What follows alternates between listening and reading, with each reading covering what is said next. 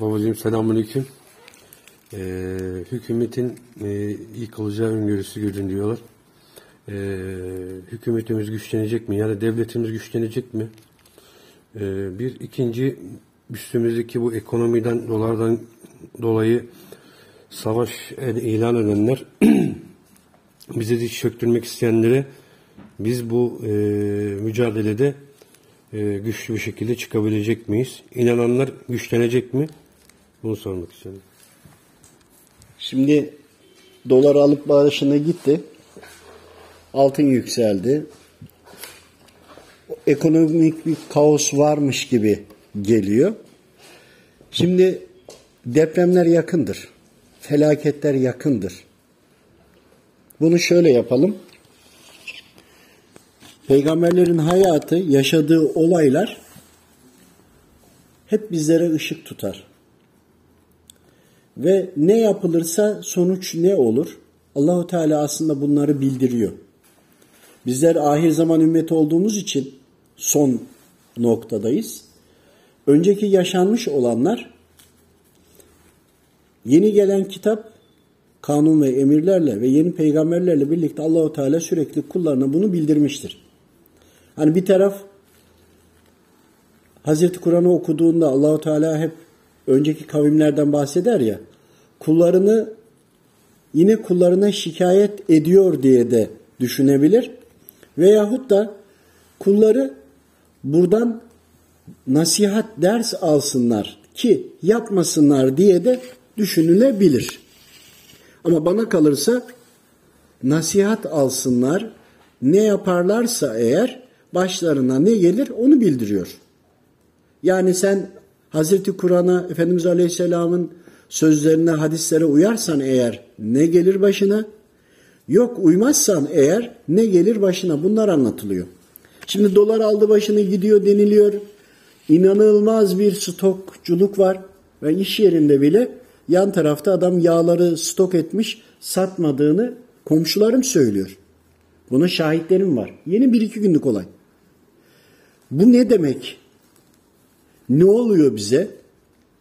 Dolar arttı. Arttı da senin e, depondaki ham madden mi o anda arttı? Hayır. Aldığın rakam belli, vereceğin rakam belli. Yüzde otuz üzerine kar koyduysan aldığın rakamın üzerine ver. Ama bu süre içinde ham madden çoğaldıysa, fiyatı arttıysa dolar 13 lira değil, 14 lira değil, isterse 14 milyon lira bile olsa o rakamdan alırsın, aldığının üzerine yüzde otuz kar mı koyacaksın? Yüzde otuz karını koyarsın, yine verirsin. Bir dahaki aldığında daha da mı arttı? 10 katına mı çıktı? Yine onun üzerine yüzde otuz verirsin, koyar verirsin. Rakam yükseldi. Biz yüzde otuz koyduk ama üzerine. Nasıl olacak bu? İşte her şey yükseldi deniliyor ya. Zaten senin yüzde otuz olarak koyduğun oranın oran da değişti. Geri kalanı stokçuluğa girer. Yani elinde bir mal varken ben bunu daha ucuza aldım. Bu daha da pahalansın demek başına musibetleri çekiyorsun demek. Nasıl mı? Bunu hemen bir geri dönelim. Şu anda ahir zamanda bizlerin başına gelen her şey zamanında insanların başına geldi e, geçmiş dönemdeki peygamberlerin zamanında yaşanmıştır. Sadece tekrar eder. Ve birçok konular yaşanınca bütün tüm Efendimiz Aleyhisselam'dan önceki tüm e, yaşayan kavimlerin başlarına gelen ahir zaman ümmetinin de başına hepsi birden gelir. İç içe gelir, karmaşık gelir.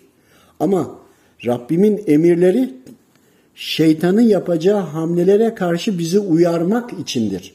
Anlayana. Dolar yükseldi. Ya nereye yükseliyorsa yükselsin. Diyeceksin ki oradan konuşması kolay. Emin olun evine ekmek götüren insanın öyle bir derdi yok. Bir evi bir acı, aracı olanın böyle bir derdi yok. Hanları hamamları olan, parası olanların derdi var. Daha fazla nasıl kazanırım, daha fazla nasıl artırırım diye. Şimdi bunu anlamak için en güzel Şuayb peygamberin dönemine gidersek biz bunu anlarız. Şuayb peygamber Medyen halkına peygamber olarak gönderilmiştir. Ve o dönemde puta tapıyorlar. Yani imanlı değiller. Ve Şuayb peygambere karşı geliyorlar. Şuayb peygamberin geldiği dönem Medyen halkı bir yol keserlermiş ticaret kervanı üzeri. İki, inanılmaz şekilde ticarette hile yaparlarmış ve stokçuluk yaparlarmış. Biliyor musunuz o halkın helak edilmesi depremlerle olmuştur. Zelzeleyle olmuştur ve bu halk helak edildiğinde yani düşünün şu an şunu dinliyorsunuz ya şu an deprem başladı.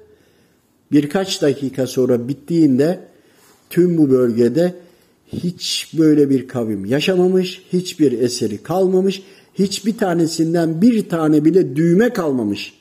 Yani 10 dakika sonra gelen, oradan geçen öyle bir kavmi olduğunu inanamaz. Hepsi toprağın içinde ve gömüldü. Ne mi yapıyorlardı? Stokçuluk yapıyorlardı. Ne mi yapıyorlardı? Alırken de satarken de hile yapıyorlardı. Ölçekleri varmış. Ölçeklerini büyük tutarlarmış. Bir ürünü alırken buğday alacak, ölçeği büyük. Bir ölçek aldı. Ama aynı bir ölçek satarken ölçekleri daha küçükmüş. Ayrıca döneminde altın kullanılıyor, gümüş kullanılıyor. Altın paraların kenarlarından tırtıklarlarmış. Oradan altının gramajını düşürürlermiş. Ve yoldan geçenleri yolları keserlermiş, gasp ederlermiş. Veyahut da yoldan geçen kervanlara bir şekilde hile ve hurdayla onları soyarlarmış. Günümüzdeki tecellisi ne biliyor musun? Hani şehirler arası istasyonlara gidiyoruz da dinlenme istasyonlarına gidiyoruz ya ne o kadar pahalı ki. Öyle bir yerin şehir içindeki müşterisi daha az. Orada müşteri daha fazla olmasına rağmen daha fazla. Yani bugünümüze tecellisi var. Stokçular bugün işte yağı sakladılar ki benim komşum da benzeri iş yapmış. Birçok şahitler var ama örnekleme olsun diye söylüyorum. Şimdi bunları yaptı. Mutlaka ki bu yapan ailenin ya evladından, ya evinden, ya hanesinden, ya işinden, gücünden mutlaka eksilme olacaktır. Kazası, belası, belki bir sene, iki sene, üç sene, beş sene.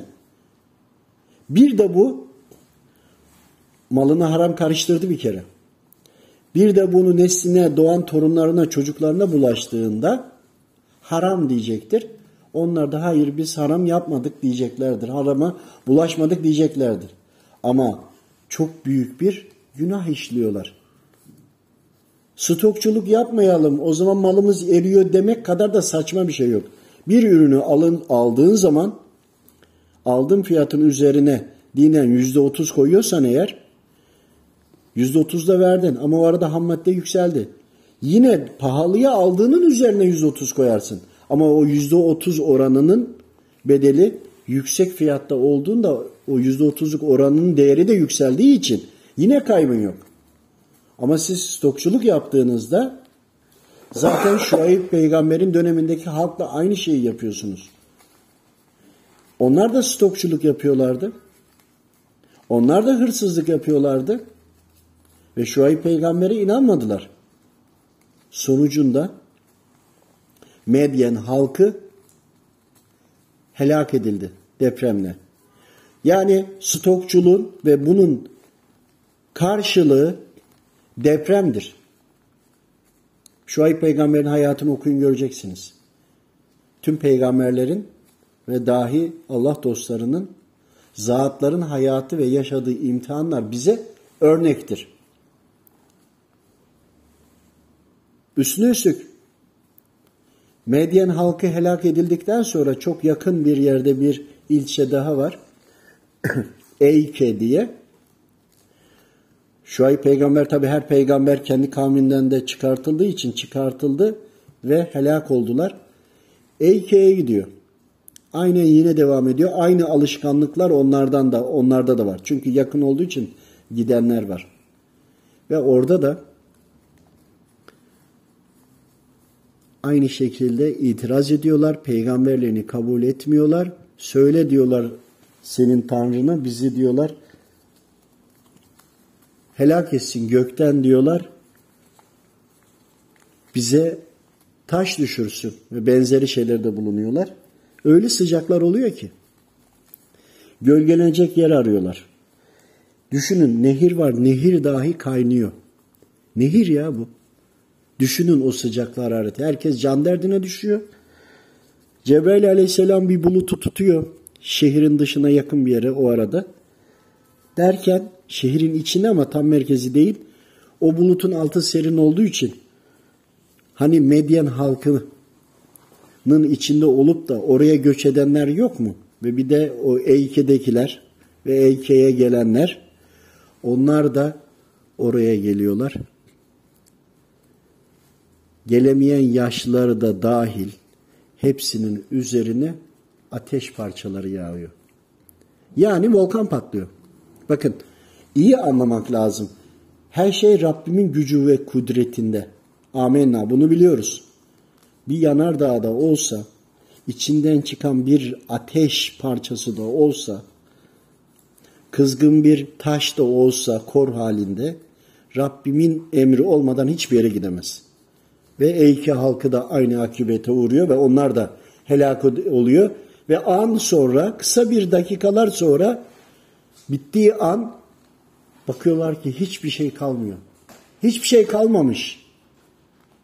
Helak edildiler. Peki biz niye helak edilmiyoruz? Çünkü Efendimiz Aleyhisselam'ın ümmeti olduğumuz için. Yoksa çoktan hak ettik. Ve bunun neticesi depremdir. Ama çok büyük azap deprem gelirse demek ki bu halkın durumu bu.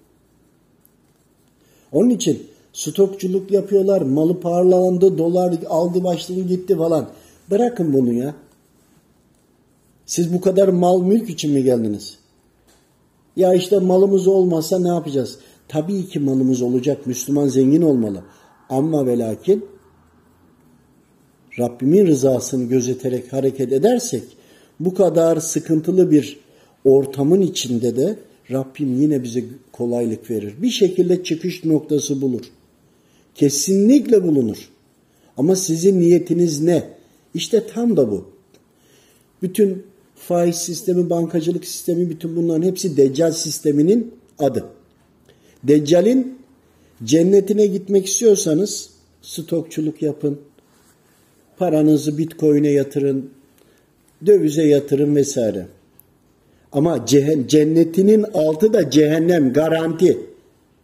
Efendimiz Aleyhisselam'ın sözlerine, hadis-i şeriflere bakın. Allah dostlarına bakın. Hazreti Kur'an'a bakın. Garanti.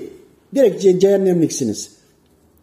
Direkt derken bir imanlı ölmüş de olsa cehenneme gidecek cezasını çekmeye, imansızsa da zaten ebedi cehenneme gidecek. Yani o yüzden direkt cehennemlik denilebiliyor tövbe etmeden eğer bunu da düzelt tövbe ettin de mal yine orada duruyor. Sen o malı vermen tövbenin de birkaç çeşit ve yönü vardır. Sen eğer tövbe ettiysen o malın içinden onu da vereceksin. Ama verdiğin yere de dikkat et. O, öbürlerini de zehirleme. Yani malını da vereceksin de ondan sonra vermeden sen tövbe o zaman yapalım alalım koyalım. Ondan sonra tövbe ettim diyelim. O zaman sen temize çekilsen de malın çekilmiyor. Yine malından kullandığın zaman yine kirleneceksin. Sonuç yine aynı. Yani Allahu Teala'yı kandıramazsınız. Dolar isterse milyon trilyon olsun hiçbir kıymeti ve değeri yok. Çünkü biliyorum ki dolar, euro ve bu tür şeyler Deccal sisteminin parası. Peki biz ne yapacağız? Altına yatır, gümüşe yatır. Ve bunları eğer bankada tutman gerekirse yani ahir zamanda mümkün değil ki kir bulaşmamış olsun deniliyor. Yani hiçbir şekilde kaçış yok. Ama onun içinde mücadele etmek var ya. Ne yapabilirsin? Altını gümüşe yatırdın. Çünkü Amerika'nın para değil. Altın bütün dünyanın ortak değeridir. Onu Amerika'yı veyahut da deccal sistemini simgelemez. Sen onu Sen şu anda bu devletin vatandaşısın. Devletin kendi kontrolünde yüzde yüz olan yere verirsen eğer devlete teslim etmiş olursun. Bu bize bir çıkış yolu verir. Tabii faizle vesaire koymayacaksın. Onlar ayrı konu. Ama yok tutabildiğini içerisinde tutarsın. Evinde hanende tutarsın ya da ona göre. Ama diğerini devletin olması lazım. Çünkü neden? Ben bu devletin vatandaşıyım. Ben faize vermiyorum ama bunu muhafaza da edemiyorum. Devlet sen benim malım muhafaza etmek zorundasın deyip oraya vermen gerekiyor. Yok özel olana verirsen bankalara, özel banka arkadan kim ne iş yapıyor bilmiyorsun. Neler yapıyor bilmiyorsun. Peki devlet de aynısını yapıyor belli diyorsan da o devlet olduğu için devlet ve oradaki o kararları verenlerin sorumluluğunda. Bu senin son noktan, iplere yaslandığın noktan çünkü. Dolayısıyla pahalı aldığında karını koyup yine pahalı satarsın. Ama ucuza normale aldığın mal zam geldi diye daha sen onu direktmen zam yaparsan bu sefer bu fırsatçılığa girer. Şuayb peygamberin dönemindeki medyen halkı gibi olunur. Yani hile ve hurda yapılır, stokçuluk yapılır. Bizim dönemimiz tam şu anda geliyor ve o halklar depremle yok edildiler. Lavlarla, volkanik patlamalarla oldu. Bu da demek oluyor ki eğer ki bu şekilde devam edilir ve kendimize çeki düzen vermezsek yakın. Çok yakındır. Ha Rabbim bekletir bekletir toptan da hesap görebilir. Sürede tanıyıp. Dolayısıyla buradaki e, devletimizi yönetenler ve bunlarla alakalı bir durum değil. Yönetenler eğer faiz sistemini uygulayıp ve bunu artırmaya yönelik hareket de etse velev ki Deccal sisteminin yöneticileri de gelse biz mümin olarak akletmemiz, istişare etmemiz ve en az nasıl kirleniriz ona bakmamız lazım. Şu andaki sistemde kirlenmeme imkanın yok. Ama en az nasıl olur? Yani fatura kesiyoruz, resmi hesaba yatıyor banka üzerinden. Ama biz onu kasti faize yatırmıyoruz ki Allah muhafaza böyle bir şeyimiz yok. Ama fatura karşılığı yatmak zorunda. Devletin sistemi bu. Yani kir yine bulaşıyor ama burada zorunluluk var ve biz olanı devlete teslim ediyoruz. Devlet ve devletin yöneticileri bunun hesabını verecek. Biz kendimizi kurtarmakla yükümlüysek böyle akletmemiz lazım. Özel şahıslar ve bankalara değil. Devlet bankalarının üzerine hareket ediyor olmamız lazım ki bu devlet bize başka daha sağlam bir alternatif göstermediyse eğer en az olan seviyede hareket etmemiz gerekiyor. Yani senin devleti yönetenlerle ilgili soracağın sorulardan tut da stokçuluk yapanları tut da malım eriyor gibi diyeceklerin hepsine bu, bu anlayana cevaptır. Var mı üzerine soracağın? Yok.